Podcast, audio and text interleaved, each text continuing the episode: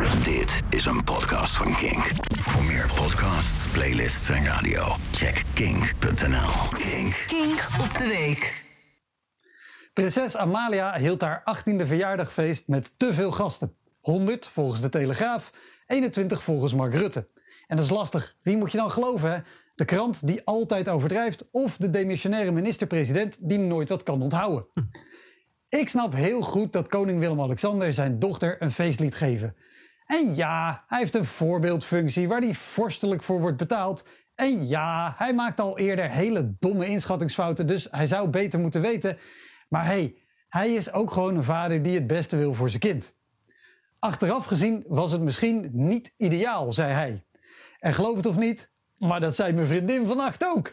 We hadden het namelijk over de invoering van de monarchie in 1815 en haar conclusie was, achteraf gezien was het misschien niet ideaal. Net als Willem-Alexander ben ik een vader die het beste wil voor zijn kind. Maar ik ben geen koning, dus dat lukt niet altijd en dat maakt me boos en verdrietig. Het beste is voor mijn dochter dat zij op de school kan blijven zitten waar ze nu zit. In de klas voor hoogbegaafden waar ze nu zit. En ik hoor je denken, oké, verrassend. Hè? Een comedian met een hoogbegaafd kind.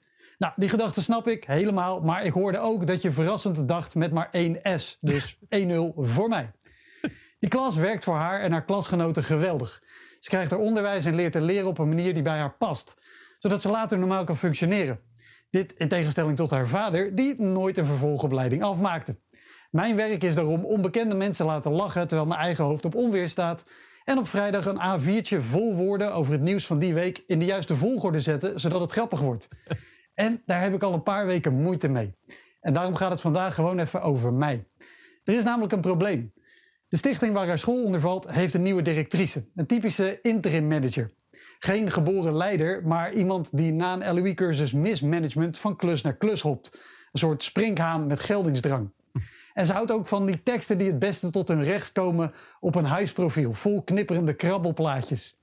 Als veel kleine mensen op veel kleine plekken veel kleine stappen zetten, verandert het aanzien van de wereld. Dat is een belangrijke drijfveer voor me. Elke dag weer de kans om verschil te maken. Het enige wat mist is een glitterende teddybeer met een kerstmuts op, die in Comic Sans MS zegt: Fijne vrijdagmorgen allemaal!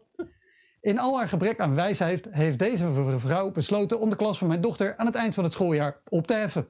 Waarom? Er zijn te weinig leerlingen en het kost te veel. Valide redenen, maar met een beetje goede wil kan je dat allebei makkelijk oplossen. Echt een kans om verschil te maken. We hebben het namelijk over een stichting met ruim 4000 leerlingen, waarvan er statistisch zo'n 100 voor deze klas in aanmerking komen. Een stichting ook die ruim 1,3 miljoen euro te veel in reserve heeft. Dat hoorde je goed. Te veel in reserve. Ik wist ook niet dat het kan. Zo'n 10.000 euro maakten ze al op aan een keynote speaker. Een ander deel gaat op aan de verbouwing van een kantoor dat in 2017 nieuw gebouwd is. Zei ik al dat deze mevrouw geldingsdrang heeft? Voor de goede orde, mijn dochter is geen probleemleerling. Of nou ja, haar probleem is dat ze makkelijk en graag leert en gek is op school. Ondertussen zoeken wij dus voor haar een nieuwe school. Dat wordt haar derde. En ze moet nog negen worden. Twee jaar terug wilden wij, net als Wimblex, het beste voor onze dochter. En kozen wij vol vertrouwen voor deze klas en deze school. Achteraf gezien was het misschien niet ideaal. Dit was een podcast van Kink. Voor meer podcasts, playlists en radio, check kink.nl.